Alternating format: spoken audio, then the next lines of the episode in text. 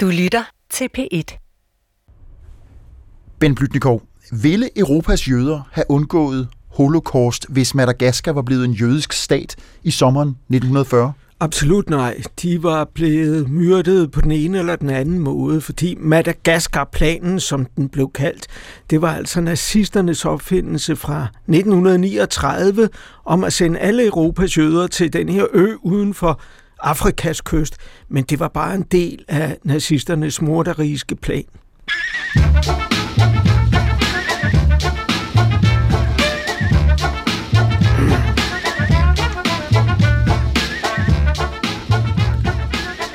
Nogle gange er historiens gang, på samme måde som ens eget liv, et spørgsmål om tilfældige hændelser, til andre tider er den et resultat af bestemte beslutninger. Hvordan ville det være gået for Europas forfulgte jøder, hvis den jødiske stat var blevet skabt på Madagaskar i 1940, eller hvis Israel ikke var blevet en realitet efter 2. verdenskrig? Mit navn er Adam Holm, og jeg vil i denne serie se på nogle konkrete begivenheder, hvor historien kunne have fået et andet udfald. I den forbindelse kan det være nyttigt at vende historien på vrangen og kigge facit efter i sømmene. Måske det hele kunne have set anderledes ud, på godt og ondt. Velkommen til Hvad nu hvis?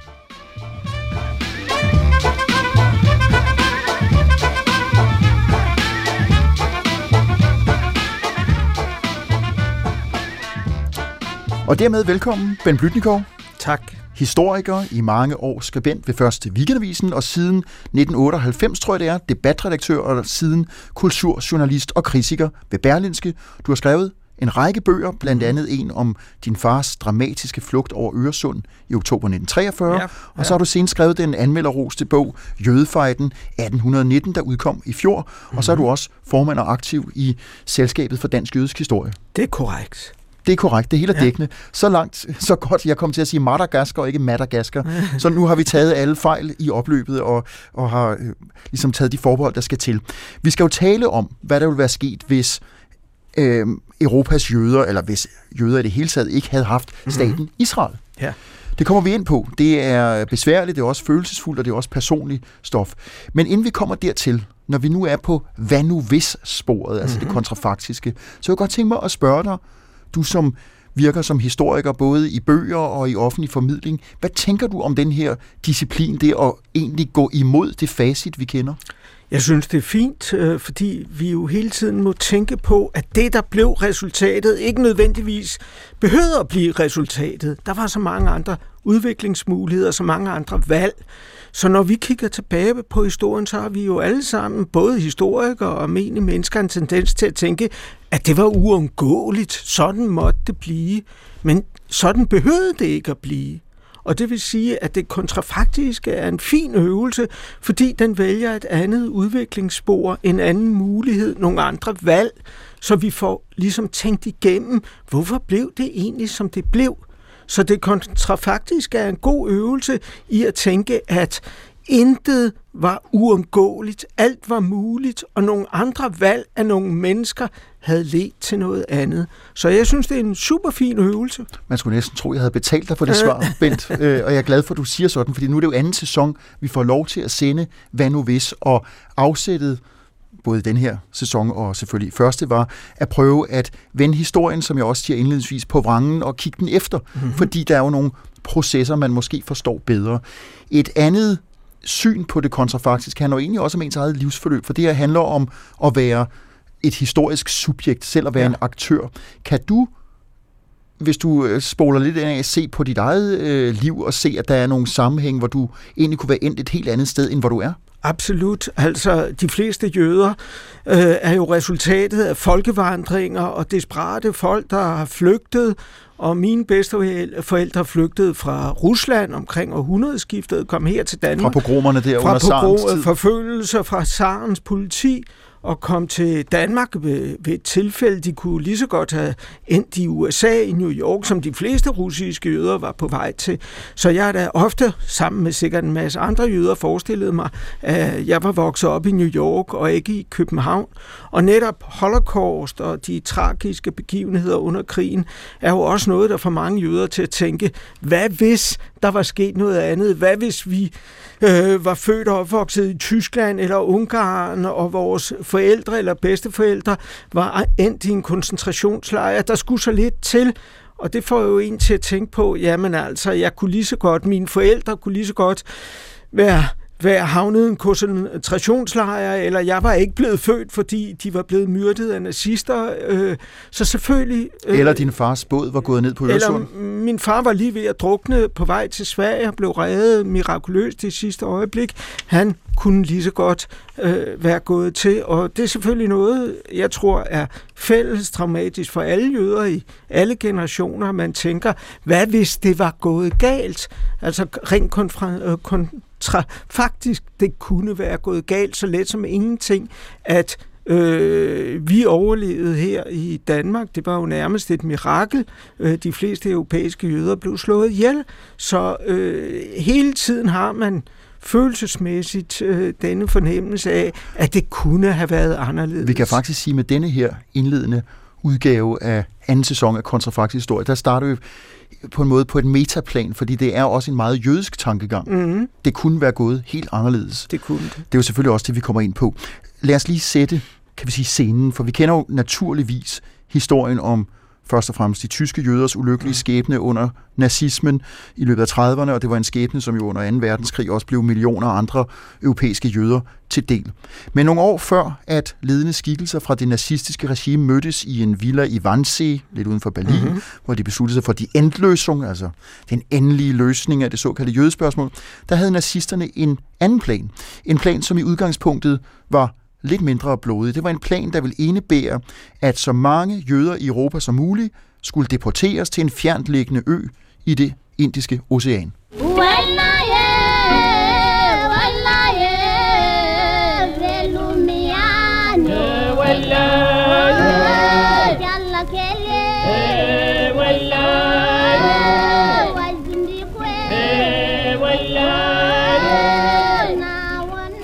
Jeg ved ikke, hvor længe vi kan traktere lytterne med det her, øh, måske for vestlige ører, noget særpræget stykke musik. Det er øh, traditionel folkemusik fra Madagaskar i 1930'erne. Stykket bærer titlen, og jeg tør ikke udtale det, jeg ved ikke, om jeg udtaler det korrekt, Oya Laiue. Det betyder i hvert fald på dansk, Åh, kære ven. Og det er så meget passende, fordi for jøderne i Europa var der ingen kære ven mm. på det tidspunkt. Bent, hvorfor vil nazisterne, de tyske nazister, deportere jøderne til en ø, der lå cirka 10.000 km fra Europa? Det var jo en del af den nazistiske antisemitisme, at man ville af med jøderne for enhver pris på en eller anden måde. Om man så fra starten ville myrde dem eller deportere dem, det er faghistorikerne meget uenige om. Men man ville af med dem, og ikke bare de tyske jøder, alle jøder øh, skulle på en eller anden måde øh, væk. Og så havde man alle mulige internationale forhandlinger om, hvad skulle man gøre med de her jøder. Man havde en stor konference i 1938 i en fransk by, Evian, øh, hvor man diskuterede, var der nogle lande, der ville øh, modtage de her jøder, og samtlige lande, også Danmark og Sverige, sagde nej, man ville ikke modtage nogen som helst jøder. Der var faktisk kun et land, der sagde ja til at modtage nogen. Det var den Dominikanske Republik, øh, og de kunne jo ikke tage særlig mange, sådan en lille putstat. Så øh, der var ingen, der ville modtage dem. Jøderne var et foragtet folkefærd. Der var selvfølgelig mange integrerede, assimilerede, øh, veletablerede jøder, men der var utrolig mange, øh, der havde det dårligt, som var statsløse polske jøder, som rejste til de europæiske hovedsteder, og alle steder var foragtet og, og smidt ud. Øh, og i kraft af tyskernes, nazisternes stadig øget antisemitisme op gennem 20'erne, 30'erne, så blev øh, jødernes situation jo øh, mere og mere desperat, og man søgte væk efter nazisternes magtovertagelse. I 33 søgte man til Danmark eller Sverige eller øh, Latinamerika, og ingen ville modtage de her jøder. Og øh, for tyskerne galt det jo altså om at komme af med jøderne. Man havde endnu ikke besluttet, at de skulle udryddes. Og på det her tidspunkt, Bent, i øh, foråret 40, tidlig sommer 40, der har, bare lige for at rekapitulere, der har Tyskland angrebet Polen mm-hmm. i et, øh, viste sig, øh, et, et lynfeltog. Ja. Har man nedkæmpet øh, de polske kavalerister. Øh, en lille del af Polen er besat af Stalins Sovjetunionen, og den store del af Polen af Tyskland. Mm-hmm. Og øh, Tyskland står stærkt. Øh, der er krig mellem Frankrig, Storbritannien, på den ene side, og Tyskland på ja. den anden side. Tyskerne står stærkt. Øh, og de vil så løse det her jødespørgsmål. Der er polske jøder, der er tyske jøder. Men hvad havde de forestillet sig, nazisterne, at jøderne skulle lave på Madagaskar? Jamen, der var jo alle mulige planer fra nazisternes side om, hvordan man skulle skaffe sig af med øh, jøder, både fra Tyskland og fra Østrig, og øh, den her lille ø havde oprindeligt været fransk Madagaskar. Det var franskmændene, der sad på den, og øh, både franske og polske myndigheder havde allerede i 1937 haft en plan om at deportere eller sende jøder, som de ville af med, til Madagaskar. Så planen var altså ikke faldet ned til nazisterne fra den blå himmel. Der var allerede den slags deportationsplaner i Europa, fordi øh, hverken Frankrig eller Polen ville have de her jøder.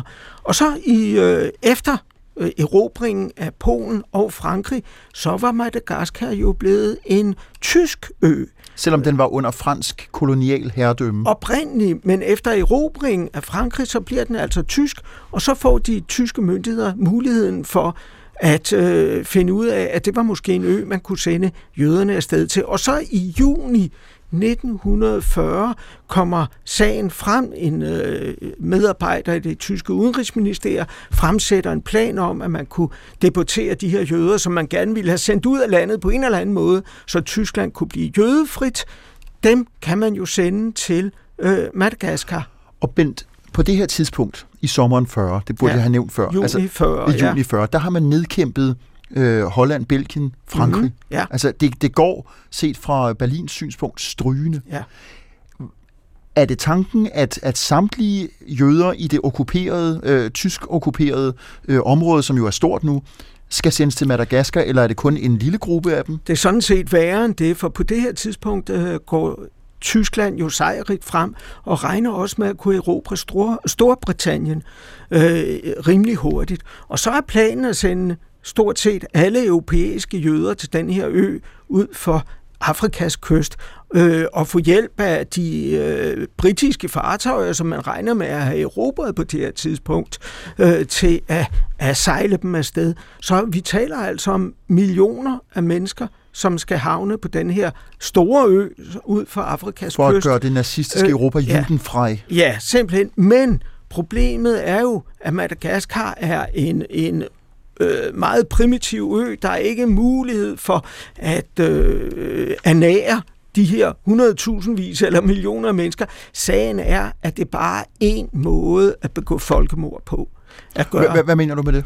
Jamen, jeg mener med, at man udmærket vidste, at på grund af sygdom og sult og nød, så ville de her mennesker jo øh, dø ret hurtigt. Ingen talte om den indfødte befolkning. Det drejede sig om de her jøder. Og planen var altså på det her tidspunkt at løse det europæiske og det tyske jødeproblem, som man øh, definerede det som, ved at sende dem alle sammen til øh, Madagaskar. Der må dog også siges, at det tyske system, det nazistiske system, var jo mange øh, fingrede, der var mange magtkampe, der var mange planer, så man kan ikke tale om kun én plan om Madagaskar. Der var sideløbende andre planer, og øh, de her forfærdelige SS-folk, det var Heinrich Himmler, der ledede SS, som var den værste af de tyske væbnede styrker eller og meget ideologisk tænkende Meget ideologisk, og dem, der stod først i køen for at slå jøder ihjel, de blev ledet af Heinrich Himmler, og han havde en række øh, meget brutale folk under sig, blandt andet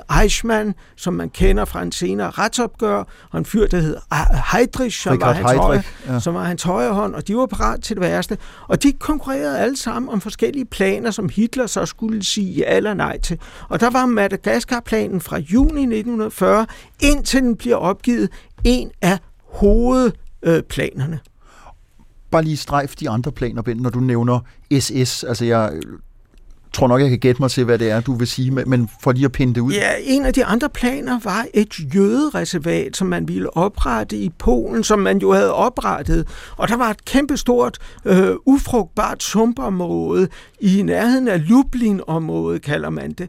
Og der ville man altså sørge for, at øh, jøder fra hele Tyskland og Østrig blev deporteret til det her område, hvor de sandsynligvis ville dø ret hurtigt, fordi der var ikke noget at nære sig af, og man ville oprette tvangsarbejde tvangsarbejdslejre for dem. Og man begyndte også med den plan. Det var SS, øh, generalguvernør Hans Frank, i Polen, den nazistiske... Som sad i Krakow. Som sad i Krakow, som skulle have ansvaret for det, og man begynder også der i øh, 39-40 at sende jøder til Lublin-området, og inden man opgiver planen på grund af krigsudvikling, så man faktisk sendt 100.000 jøder afsted også til Lublin-området, hvor de sandsynligvis øh, går til de fleste af dem på grund af dårlig ernæring, sygdomme og nød. Men det, der er tanken på det her tidspunkt, set fra øh, det nazistiske hierarkis øh, betragtning, det er ikke altså den endelige løsning, den vi lærer at kende senere med, med direkte udryddelsespolitik. Nej. Det er snarere at fjerne jøderne fra kontinentet, fra øh, stoppe dem i at besudle det rene ariske blod, og så ligesom, øh, som du siger, enten putte dem i et reservat eller på en fjernliggende koloni. Ja, og, og da, da man ikke vinder over Storbritannien, og da ligesom den hurtige sejr er en umulighed, så bliver Madagaskar-planen også mere og mere usandsynlig, fordi man har ikke fartøjer, man har ikke ressourcer, man får nye millioner af jøder ind under øh, sit område, fordi man erobrer Polen og går ind i Rusland. Så Madagaskar-planen bliver ligesom øh, mere og mere perifær til en endelig løsning. Men, men inden du lægger øh, Madagaskar-planen helt i skuffen, så skal vi lige, for, for vi er jo i det kontrafaktiske hjørne, skal lige ja. prøve at øh, bare lige opholde os en, øh, en, en omgang eller to ved, hvad der kunne være sket, fordi altså, det er på tegnebrættet, hvis man nu kan nedkæmpe øh, britterne med en blitzkrig, øh, og man, man gør, mm. hvad man kan fra tysk side. Det lykkes heldigvis ikke. Det er så et kapitel for sig. Men det at ville deportere Europas jøder, vi tæller millioner, til en ø, hvor man øh, ved, der bor, og nu siger det bevidst groft, nogle nære, og så ved man formentlig ikke meget mere. øh, og, og jøder bliver vel racemæssigt betragtet cirka på samme niveau. Ja. Øh, så der kan man godt skubbe dem hen. Men, men havde man fra tysk side forestillet sig, at jøderne vil opbygge en stat der, Nej. og så kunne de få lov til at passe Nej. sig selv? Det var folkemords øh, intention. Okay. En af de øh, berømte britiske historikere, Kershaw, har sagt, at det her, det var en et folkemord med andre midler. Men man skal huske på, at jøderne var jo et foragtet folkefærd i Europa. Ganske vist var der folk, der klarede sig godt øh, af europæiske jøder, men i store grupper, de fattige jøder, dem der ikke var integreret, de var foragtet og udstøtte. Og der havde lang tid i Europa hersket idéer om, at man kunne sende dem hen mystiske steder. Den britiske regering havde allerede i 1903 foreslået øh, jødiske organisationer, at man kunne sende dem til Uganda, det nuværende Kenya, og der var faktisk også en delegation, blandt andet med jøder, nede at se i Uganda-området, om man kunne etablere en jødisk koloni. Det er en statslignende øh, ting. Og hvad lød deres vurdering? Øh, deres vurdering var, at det var fuldkommen håbløst. Og hvad med øh, massajerne, der boede i området, og der var ikke noget at nære sig af. Jøderne sagde i 1905, sagde de nej tak til forslaget, Øh, som sikkert var velment fra den britiske. Det var, det var øh, Chamberlain, der havde foreslået det. Og der var alle mulige andre planer om jødiske stater. Stalin havde ikke i nogen god ånd sikkert foreslået i 1928, at man kunne lave en jødestat i det yderste Sibirien op mod Kina, i det her, man kaldte Birobidjan. Og den stat, eller selvstændige, autonomiske sta- øh, øh, øh, jødeområde, blev faktisk til noget, og der var jøder, der emigrerede dertil, og øh, selvom den aldrig blev rigtig til noget, fordi Stalin var jo sindssyg, og han ville også myrde jøder, og gjorde det også i stort antal, øh, så på papiret eksisterer den faktisk den dag i dag. Øh, der er ganske vist næsten ingen jøder, der bor der, men Bijan eksisterer. Og har rester af det jødiske samfund, ja, der var der. Og den slags fantastiske planer var der andre af. Øh, Franklin D. Roosevelt, den amerikanske præsident, havde en idé om, at man kunne bosætte de her statsløse stakkels jøder fra Tyskland og Polen i Alaska. Øh, man ville øh, i 1939 fremsætte en forslag om, at man kunne tage nogle af ubeboede områder i det her kolde Alaska og få jødiske flygtninge øh, til at rejse dertil og bosætte sig der. Og rent kontrafaktisk øh, så skrev øh, den amerikanske meget kendte forfatter Michael Chabon, hedder han, C-H-A-B-O-N, Chabon.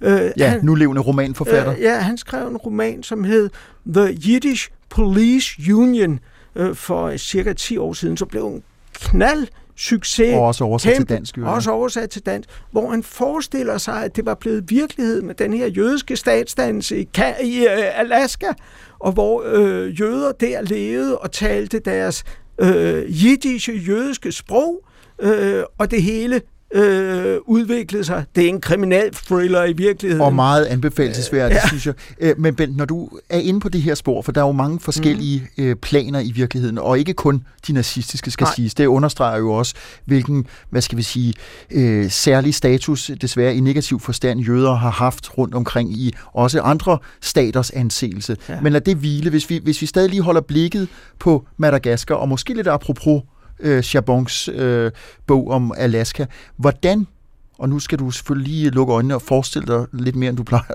hvordan ville det jødiske liv have været på Madagaskar, hvis nu altså tyskerne var gået igennem med deres planer og havde deporteret eller fjernet øh, Europas jøder? Altså, der er ingen tvivl om, at det var gået af helvede til, at det havde... Det havde været et folkemord. Det havde været et folkemord, og folk var døde af sult, øh, sygdom. De var jo ikke vant til, det var europæiske jøder, de var ikke vant til det klima på, i Madagaskar. Der var en indfødt befolkning, som de så, i stedet for palæstinenserne, ville være ravet uklar med. Og øh, øh, den jødiske befolkningsgruppe som sådan, var jo også internt uenige om stort set hvad som helst. Øh, tre jøder og fire synagoger. Altså, det, ja, det, det, det, var, det var gået gået galt, ikke? Øh, på alle mulige måder. Og hvad skulle de dog leve? Altså, de fleste europæiske jøder var jo forelskede i europæisk kultur. Øh, det var deres øh, liv at, at deltage i, i europæisk kultur og, og bevægelser, selvom de var foragtet og udstøtte. Så det, de higede efter atrådet, var jo at blive europæer. Hvad skulle de dog i en ø uden for Afrikas kyst? Og nu siger du jo noget, som eksempelvis nazisterne, for nu bare at tage de værste i flokken, altid øh, har set stort på, nemlig at Europas jøder er individer og meget forskellige, og mm. også tager øh, Øh, pejling efter den øh, nation, det sprog, den kultur, de er rundet af. Netop. Og, og indbyrdes uenige politisk, kulturelt, religiøst. Der er ikke andet end stridigheder mellem jøder. Man kan ikke sige, at den jødiske befolkning hverken dengang eller nu er enige om noget som helst. De går fra det yderste højre til det yderste venstre. De er religiøst fra det, det ortodoxe til det fuldkommen sekulære. Øh, de ville aldrig være, øh, kunne enes om noget som helst. Men Ben, du siger, at hvis Madagaskar-planen, og jeg understreger det bare lige for en god ordens skyld, med en fed streg under, hvis den var blevet til en realitet, ja. så vil de jøder, der var blevet deporteret, formentlig være ravet uklar, både internt, øh, men også med øh, den lokale befolkning, som så i øvrigt, har jeg læst mig til, består af mange øh, forskellige øh, etniciteter og sprog, så det vil, ja. det vil have været en værre redelighed. Ja, øh, så, så, så hvis man tror, jamen, hvis jøderne var kommet til Madagaskar, så havde verden været sparet for den konflikt, som Israel-Palæstina er blevet til. Det vil ikke have været tilfældet. Absolut ikke. Altså, øh, der er jo borgerkrig ustandslige på Madagaskar nu, øh, og kup, og, og de øh, indfødte kan ikke blive, undskyld udtrykket, indfødte Madagaskarkanerne øh, kan ikke blive enige om noget som helst. Øh, så var jøderne kommet ind der. De fleste var døde sikkert af sygdom og sult, men dem, der så eventuelt ville overleve, øh, ville være ravet uklar både internt og med den øh, indfødte befolkning, så at sige. Så øh, Palæstina, for at bringe det ind, var jo den store øh, mulighed og den store plan, så, som den det britiske imperium og regeringen havde sagt ja til, og det var jo hele tiden den egentlige mulighed. Alle de andre muligheder var jo utopiske, vanvittige og ville have medført masse drab. Så en jødisk stat i britisk Uganda? Nej. En Nej. jødisk stat på Madagaskar? En, en kortvarig tysk skuffeplan, dybest set. Ja, og en jødisk plan i Polen, i Lublin. Øh, vi, øh, udviklede sig bare til, til nedslagning og massemord, da tyskerne efterhånden besluttede sig til endeløsning og myrde flest mulige jøder, øh, som var i det polske område, det russiske område, og det blev også effektueret. Og den øh, planen om Alaska kan jeg godt sværge på, ville heller ikke være ind godt. Jeg kan ikke forestille mig, at min familie ville have klaret sig ret øh, længe i de kolde omstændigheder i hvert fald. nu, nu, undskyld, nu sidder jeg og griner, det er strengt taget upassende, men det blev heldigvis ikke sådan. Øh, inden vi forlader Madagaskar og øh, bevæger os i retning af Palæstina. Så bare lige øh, en gentagelse. Hvorfor blev planen ikke til noget? Var det alene fordi feltoget mod Storbritannien mislykkes? Ja, i første omgang mislykkes lynkrigen. Man får ikke den sejr. Og alle de planer om at bruge britiske fartøjer og kunne bestemme over øh, fartøjer og vandveje, det kikser jo totalt. Man kan ikke bare sende flere millioner jøder til Madagaskar, for dem, man har ikke magtmidlerne til det, og man har ikke ressourcerne. Øh, man fortsætter så krigen inde i det polske, russiske område, og der kommer flere og flere jøder ind under øh, tysk øh, område og herredømme. Og så er det SS og Heinrich Himmler, som jeg omtalte før, og Hitler selvfølgelig, beslutter sig til, at man opgiver den her, de her muligheder for deportation og sende ud af Østrig og Tyskland og de besatte lande, og man går så ind for øh, en egentlig masse mors, folkemors en strategi. Ja, en likvidering af samtlige ja. de jøder i øh, alle de lande, man har besat. Og det ved selvfølgelig både du og vores lytter, hvad der skete. Det er jo øh, et af de mest, hvis ikke det mest grusomme kapitel fra det 20. århundredes europæiske, eller for den sags skyld verdens historie. Det organiserede mor på Europas jøder, 6 millioner. Jeg kunne godt tænke mig lige at spille et klip for dig. Jeg kommer ikke til at oversætte det ord for ord, hverken selvfølgelig for dig eller lytterne, men, men hør godt efter. Det er den øh, britiske øh, meget kendte britiske krigskorrespondent Richard Dimbleby, som lavede en reportage fra Bergen-Belsen, en af de mange nazistiske korsetlejre ligger op i det nordlige Tyskland, hvor fanger døde i stort antal som følge af de pinsler, de blev udsat for, men også som følge af sygdomme, f.eks. tyfus og dysenteri. Forholdene var forfærdelige, og som vi ved, så blev 6 millioner, øh, måske lidt flere endda, europæiske jøder foruden romager og øh, sovjetiske krigsfanger, polske krigsfanger, homoseksuelle osv., osv., osv., mange kategorier, slået ihjel i de her lejre. 6 millioner, det er jo afsindigt. Nu, lad os lige høre lidt af Richard Dimbleby. Han kommer ind sammen med britiske tropper i Bergen-Belsen, og det er jo altså billeder, øh, synsindtryk, som øh, på det tidspunkt er komplet nye. Nu har vi jo vendet os til de billeder, mm. men, men hør lige med. Here, over an acre of ground, lay dead and dying people. You could not see which was which, except perhaps by a convulsive movement or the last quiver of a sigh from a living skeleton too weak to move. The living lay with their heads against the corpses, and around them moved the awful ghostly procession of emaciated, aimless people, with nothing to do and no hope of life, unable to move out of your way, unable to look at the terrible sights around them. There was no privacy, nor did men or women ask it any longer. Women stood and squatted, stark naked in the dust, trying to wash themselves and to catch the lice on their bodies.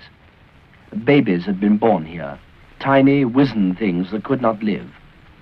A mother, driven mad, screamed at a British sentry to give her milk for her child, and thrust the tiny mite into his arms and ran off, crying terribly.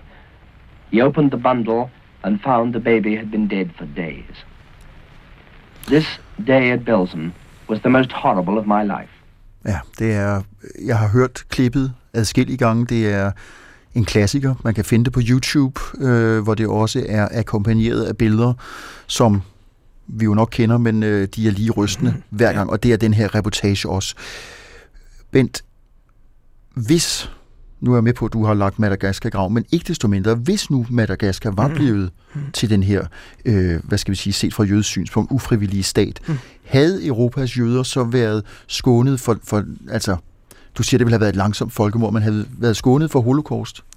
Nej, fordi øh, det var jo en umulighed at sende øh, 6 eller 10 millioner mennesker til den her øh, ø, selvom den er rimelig stor. Planen var jo urealistisk fra starten og bundet jo i nazisternes idé om, at de havde verdensherredømmet og kunne gøre som med verden, som de ville. Og så går det jo op for dem i løbet af, af 40 at øh, så let går det altså ikke, selvom de sejrer i østpå, men øh, de behersker jo ikke havene, og englænderne yder modstand. Hele planen var illusorisk. Man kunne ikke gennemføre at sende de her 6 eller 8 eller 10 millioner mennesker til den her ø. Så øh, det var et fatamorgana. Og det er så en af flere grunde til, at det ender, som vi nu også hørte i, i Dimblebys øh, reportage med det her, øh, altså afsindige folkemord. Den danske befolkning øh, i dag, plus lige yderligere en halv million, 700.000. Det er, det er øh, altså svimlende ja. tal af mennesker, som blev opbragt alene fordi nogen havde besluttet, at de havde den forkerte etnicitet. Men for lige at fastholde Madagaskar, må man sige, at hvis de havde haft succesen, nazisterne, hvad det så ud som indtil øh, et stykke, godt stykke ind i krigen, jamen så var det også danske jøder, som var røget til Madagaskar. Øh, den danske undtagelse, miraklet i Danmark, at vi bliver reddet her, de fleste af os i hvert fald, Øh, øh, øh, hvis nazisterne havde fået det verdensherredømme, så var de danske jøder jo også øh, røget med til Madagaskar. til Madagaskar. Det er sandt. Øh, så spoler vi jo frem nu. Det er også det, Dimbleby-klippet skal mm. understrege, at nu er vi jo i, øh, i, i ruinerne af, af holocaust og den store, først og fremmest den store jødiske tragedie. På det tidspunkt er der jo ikke en selvstændig jødisk stat. Der er ikke et Israel, der er et britisk styret, britisk okkuperet Palæstina. Ja. Øh, der er en øh, stadig et jødisk mindretal, hårdt arbejdende på mange måder, mm. øh, og en øh, arabisk øh, majoritetsbefolkning, hovedsageligt muslimer, men også kristne. Bent, hovedspørgsmålet øh, for den resterende del af samtalen her. Hvis nu ikke Israel var blevet en realitet, hvad havde Europas jøder så gjort? Europas jøder, som kommer såret, forpinte, øh, psykisk selvfølgelig øh, på mange måder øh, nederlagsramte af, af den her tragedie. Hvad havde de gjort? Altså man må jo sige, at resultatet af nazisternes morpolitik var, at de fleste europæiske jøder bliver myrdet. Dem, der bliver reddet, kan flygte ind i sovjetisk område, eller flygte for eksempel til Palæstina. Øh, der er situationen jo altså meget vanskelig, fordi de øh, britiske myndigheder, som har området efter det ottomanske imperium er blevet opløst, øh, skal balancere politisk mellem forskellige øh, grupper, både jøderne og øh, araberne, og derfor er de ikke meget for for stor øh, import, så at sige, indvandring af europæiske jøder, fordi de er bange for, at det vil forrykke magtbalancen og kan skabe nye politiske problemer. Så det, der sker, det er, at mange jøder, der forsøger at flygte til Palæstina, bliver afvist af de britiske myndigheder med ulykkelige konsekvenser. Vi, øh, der er nogle forfærdelige historier om skibe, der sejler rundt i Middelhavet og andre steder med jødiske flygtninge, som, og ingen lande vil lade dem komme ind øh, og det er noget af det mest desperate, øh, vi overhovedet har fra den her periode. Øh, så det er en meget vanskelig situation, men dem, der så kommer ind i landet op gennem 30'erne øh, og, og lige begyndelsen af 40'erne, de bliver jo reddet.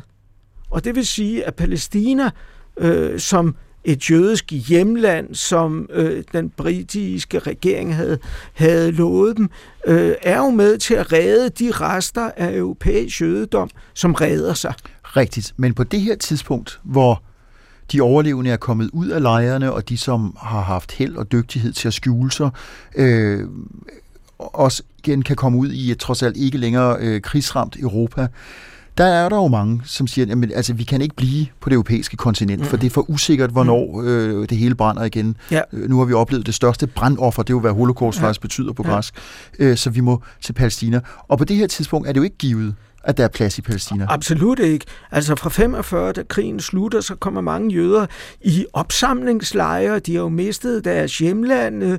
De prøver måske at tage tilbage til øh, Polen eller lignende steder, men øh, bliver også der udsat for nye overgreb, og mange føler sig hjemløse og statsløse. Ja, jeg sparker lige ind. Der er jo faktisk i det Polen, som har rejst sig, eller som er på vej ud af krigen, øh, hvor tyskerne har forladt øh, Pols territorium, der er faktisk nye pogromer ja, desværre. mod jødiske overlevende. Desværre. Så jøderne flygter væk, og en af mulighederne er selvfølgelig øh, Sovjetunionen, hvor mange er blevet kommunister efter krigen, fordi Sovjetunionen jo kæmpede mod Nazi-Tyskland, og mange jøder, også min egen far, øh, følte en stor loyalitet og, og medfølelse med det kæmpende Rusland, og føle sig solidarisk med det, og mange jøder fra Polen og andre steder ville så gerne øh, støtte og bosætte sig i Sovjetunionen. Det viste sig så at være en grusom fejltagelse, fordi Stalin havde samme planer som Hitler, sandsynligvis nemlig at deportere og myrde jøder.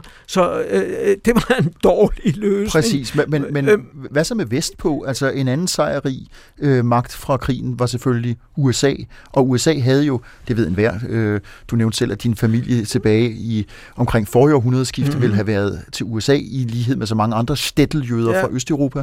Hvorfor tog øh, de overlevende europæiske jøder ikke i større tal til USA? Jo, men der var også en del, der både op gennem 30'erne, 40'erne og også efter 45 tog til USA og fik lov til at komme ind, men de amerikanske migrationsregler var meget restriktive, og du kunne ikke bare komme ind i landet uden videre, så mange blev også afvist.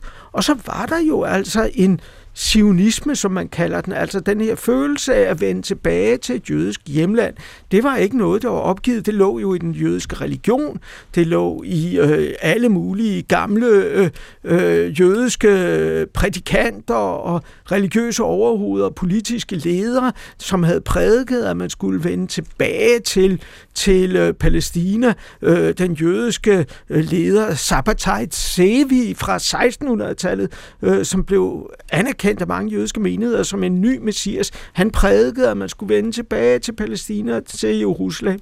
Det lå ligesom i kortene. Så, så der er både en, en religiøs påvirkning, og så er der den sionistiske, man kan vel kalde det, den, den jødisk-nationalistiske øh, ideologi. Absolut, og den havde været både på øh, venstre- og højrefløjen, både hos religiøse og ikke-religiøse. En af de sionistiske idémager fra 1800-tallet, det var en af Karl Marx's øh, forgænger, Moses Hesed. Han, han var sådan en socialistisk, kommunistisk øh, forkynder i øh, Tyskland i 1830'erne og 40'erne. Han var en af de første, der skrev om, at man skulle vende tilbage til øh, jødernes land og, og slå sig ned der, for det var håbløst i, i Europa at blive anerkendt og accepteret, så den eneste mulighed var at vende tilbage til til jødernes eget land. Så det lå ligesom i mange jøder, både religiøst og politisk, at det var muligheden. Og efter 45, så er det jo som den bedste mulighed er som øh, rodløse, statsløse,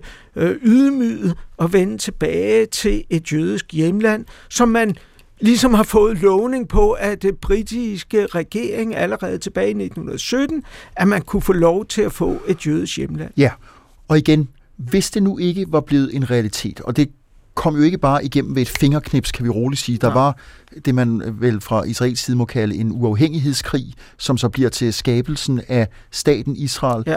Øh, palæstinenserne eller araberne kalder det al-Nakba, ja. øh, den, den store fordrivelse eller tragedie, tror jeg det er. Øh, så så, så det, det er en blodig kamp. Absolut. Men, men er der noget og den er jo også politisk i kraft af FN's beslutning, men er der, er der noget i det her forløb, ja. hvor det ser ud til, at jøderne ikke får den stat?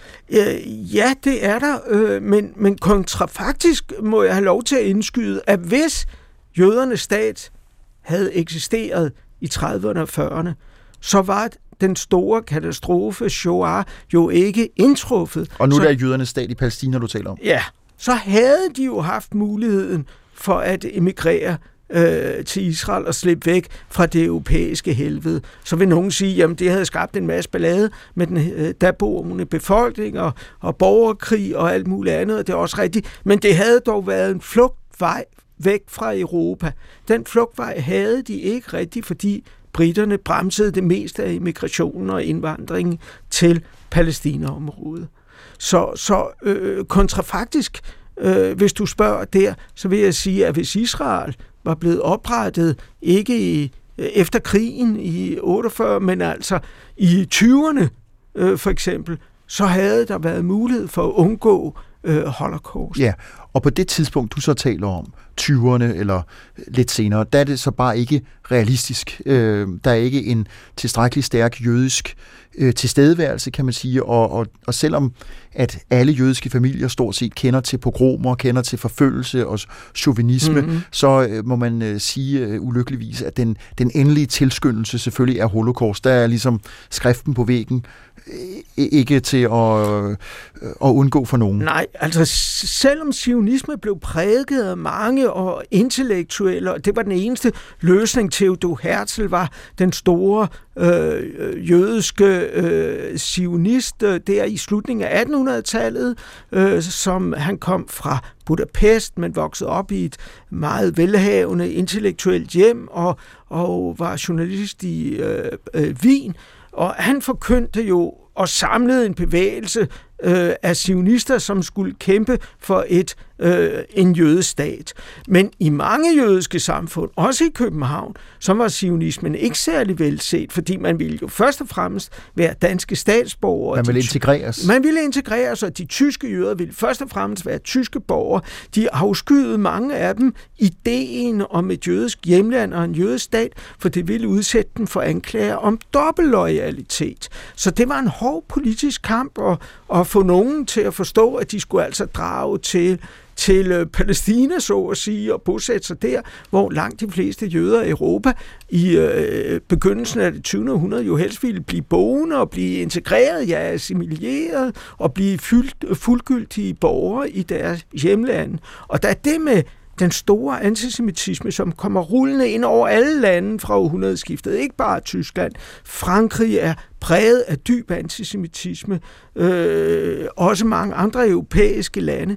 Jamen, øh, så bliver det efterhånden klart, i stadig stigende grad op gennem 20'erne, 30'erne, at løsningen er ikke integration og assimilation. Altså, det, det kan ikke lykkes, fordi øh, jødehavet er for stærkt, og så er det, at sionismens argumenter ligesom øh, får mere og mere vægt, at vi må altså have vores egen stat, hvis vi skal forsvare vores rettigheder og slippe bort fra forfølgelse og ydmygelse, så er en jødestat det eneste svar. Og er der noget sted i forløbet, Bent, fra at holocaust er, øh, eller 2. verdenskrig er overstået, og holocaust heldigvis ikke længere er en, øh, en, en daglig realitet, eller Auschwitz og de andre lejre er lukket selvfølgelig.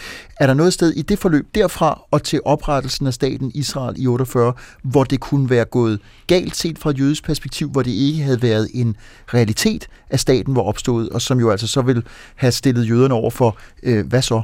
Og ja, altså op gennem hele perioden øh, i det 20. århundrede, så kæmper sionistiske jødiske ledere jo for deres stats idé, og de prøver at overbevise amerikanerne og englænderne og andre om, at det ville være en god løsning øh, for jøderne, så at sige.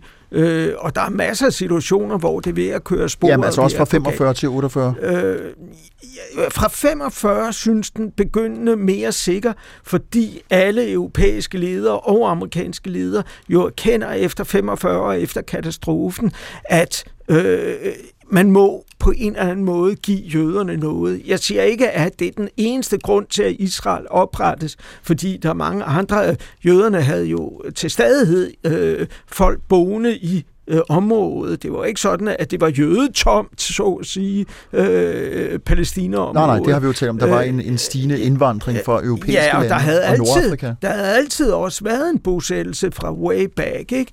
Så, så det var ikke den eneste grund, men Holocaust giver ekstra vægt til de europæiske øh, og øh, amerikanske ledere til, at nu er det slut, nu må jøderne altså have en stat, så de kan ligesom øh, beskytte deres eget liv og interesser. Men Ben, selvom det er i og for sig kunstigt at lave en, jamen hvad nu hvis Israel ikke var blevet oprettet? Så er det ikke desto mindre øvelsen, fordi der er jo nogle steder, både i uafhængighedskrigen og i øh, det politiske spil, øh, som forløber, hvor det kan se ud som om, at det ikke bare bliver en realitet. Altså det var jo ikke givet på forhånd i 48 af en sammenslutning af, af sammenbitte, indædte øh, europæiske jøder vil ende med at vinde militært. Mm. Så hvis nu ikke Israel var blevet en realitet, eller hvis det var blevet en lille bitte stat, øh, måske bare et hjørne af det britisk kontrollerede Palæstina, kan du så se for dig, sådan som tilstanden var, sådan som øh, klimaet var, hvilken øh, situation Europas jøder så havde stået i, Nordafrika og Mellemøstens jøder med for den sags skyld. Det skal vi jo ikke glemme, at cirka 800.000 nordafrikanske og mellemøstlige jøder jo øh, altså kom til Israel efter ja. oprettelsen. Altså, øh, du nævnte det her med, i Polen var der øh, overgreb mod jøder, også efter 45, efter nazismen øh, var udryddet, så var der alligevel blodige overgreb på jøder. Men efter Holocaust, så var der jo en lang periode fra 45, hvor man kan sige, at øh, øh jøderne i Europa var rimelig sikret på grund af erindring om Holocaust og 2. verdenskrigs tragedie.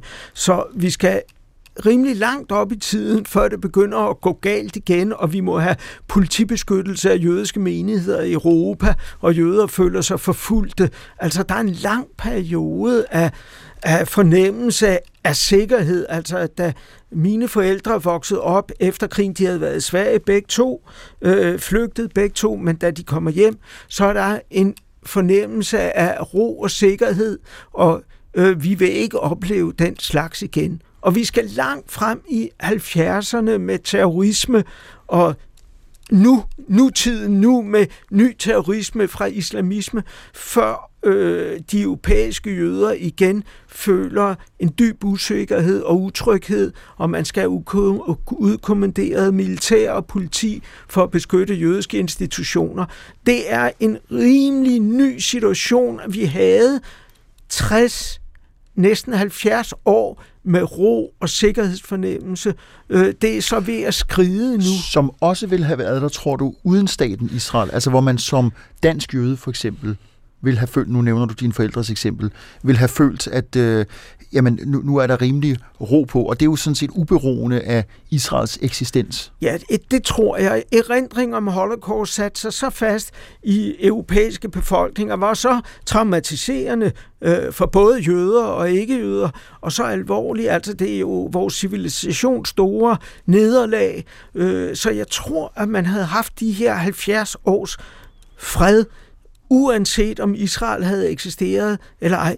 Personligt er jeg så meget glad for, at Israel blev oprettet og eksisterede som en stat, hvor jøder kunne drage til, øh, fordi øh, det viser sig at være nødvendigt, og der er kommet etiopiske jøder og argentinske jøder under uheldige politiske situationer og fra andre steder, så det har været hjemsted for flygtende jøder under alle omstændigheder. Og det kan man jo heldigvis sige med et lettelsens suk fra et jødisk perspektiv, at det er godt, øh, at der er også nu med Absolut. tiltagende antisemitisme. Der er mange franske jøder for eksempel, som i de Absolut. senere år har valgt at relokere, som det hedder, og flytte til Israel. Men, men noget, der har kendetegnet Mellemøsten efter staten Israels oprettelse, og som end i hele den blodige proces op til udråbelsen af det selvstændige Israel. Det har jo været krige. Altså ja. vi har uafhængighedskrigen, som altså 48-49, vi har Suez-krisen, som egentlig også er en krig i 56, Seksdagskrigen i 67, Yom Kippur-krigen i 73, ja. krigen i Libanon 82, flere år frem, øh, plus adskillige andre større og mindre væbnede konfrontationer, masse terror i Israel, øh, israelske operationer mm. i arabiske lande. Altså et blodigt moras, mm. på trods af, at der jo også er kommet nogle fredsaftaler, ja. og, og også på det seneste. Men, men det, jeg kunne tænke mig at spørge dig til, og igen under den øh, præmis, der hedder, hvad nu hvis, Altså hvis ikke Israel, hvis ikke der havde været en jødisk stat, Israel, havde Mellemøsten så, tror du, været et fredeligere sted. Der har i hvert fald ikke været de krige. Det kan jeg svare fuldkommen entydigt på. Det havde været det samme blodige moras, som vi ser gang på gang. Hele Mellemøsten er jo et blodet anarki. Den, det ene borgerkrig, den ene klanopgør, det ene krig mellem Iran, Irak eller Libyen, der er ved at gå op i flammer nu. Sådan har det været i generationer, og sådan er det.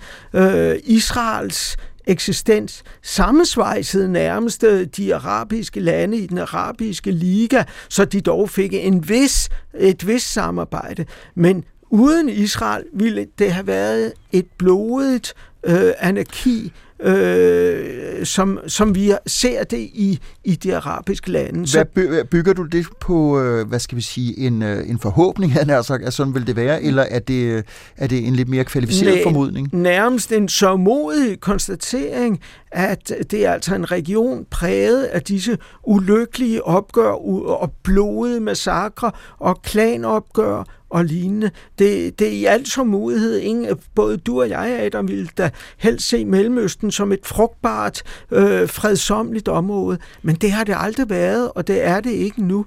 Og Israels eksistens ville ikke have for, øh, hverken formindsket eller forøget øh, graden af blodet anarki i området. Så når jeg sidder og opregner de her krige, og endda sikkert glemmer en enkelt eller to eller fem. Der har i hvert fald været mange væbnede konfrontationer.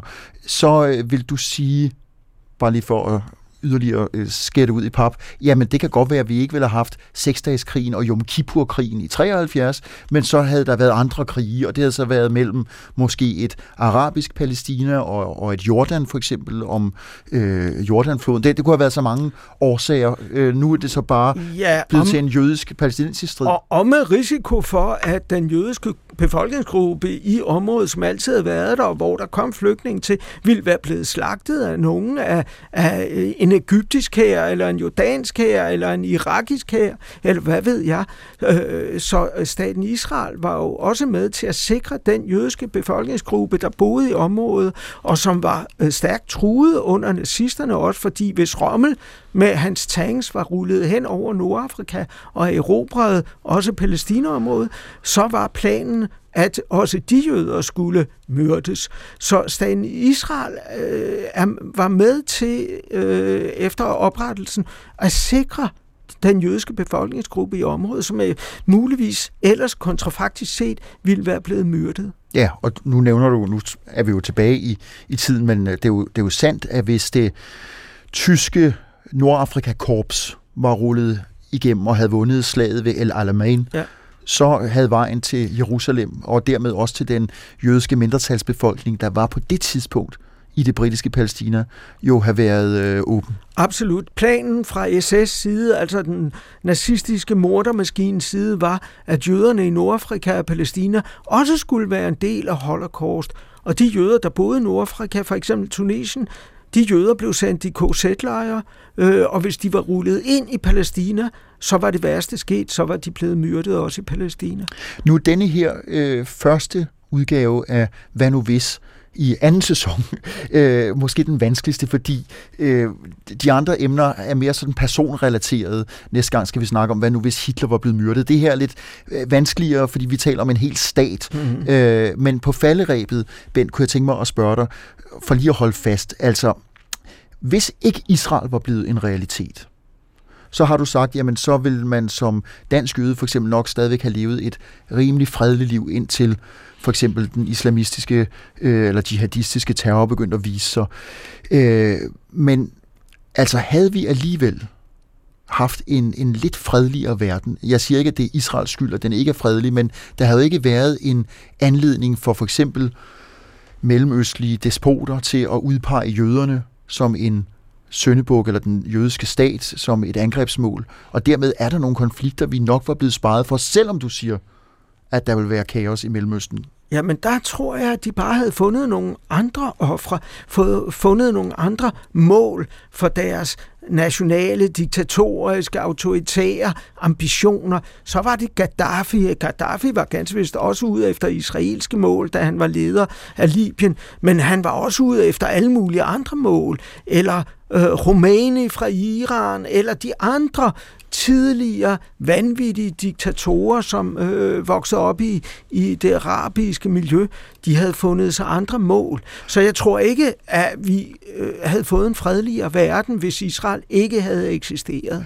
Hvad vil det have betydet, tror du, for den jødiske selvforståelse? Man kunne måske være så forenklet at sige den jødiske psykologi, hvis ikke Israel var blevet oprettet for 72 år siden? Det havde været et alvorligt slag, for efter ydmygelserne, katastrofen og tragedien i 2. verdenskrig, så var det jo resterne af en europæisk jødedom, vi så. Det var øh, mennesker, der var traumatiseret og øh, dårligt nok kunne få hverdagen til at hænge sammen. Der betød Israel et enormt boost hedder det vist på amerikansk, for deres øh, øh, tilbagevenden til en øh, menneskelig tilværelse og en ærefuld tilværelse, at have stoltheden over et jødisk hjemland og en jødisk stat. Det betød utrolig meget i alle øh, familie. Og min egen far, som jo efter krigen var kommunist, øh, øh, fordi Sovjetunionen havde kæmpet mod nazismen, han blev senere en ivrig øh, sionist, og det blev de fleste jøder i Europa, fordi det var det, der gengav noget stolthed efter tragedien. Og så helt afslutningsvis, Bent, hvad ser du som læreren af den jødiske historie under nazismen og 2. verdenskrig? Hvad, hvad er den lærer for os i dag?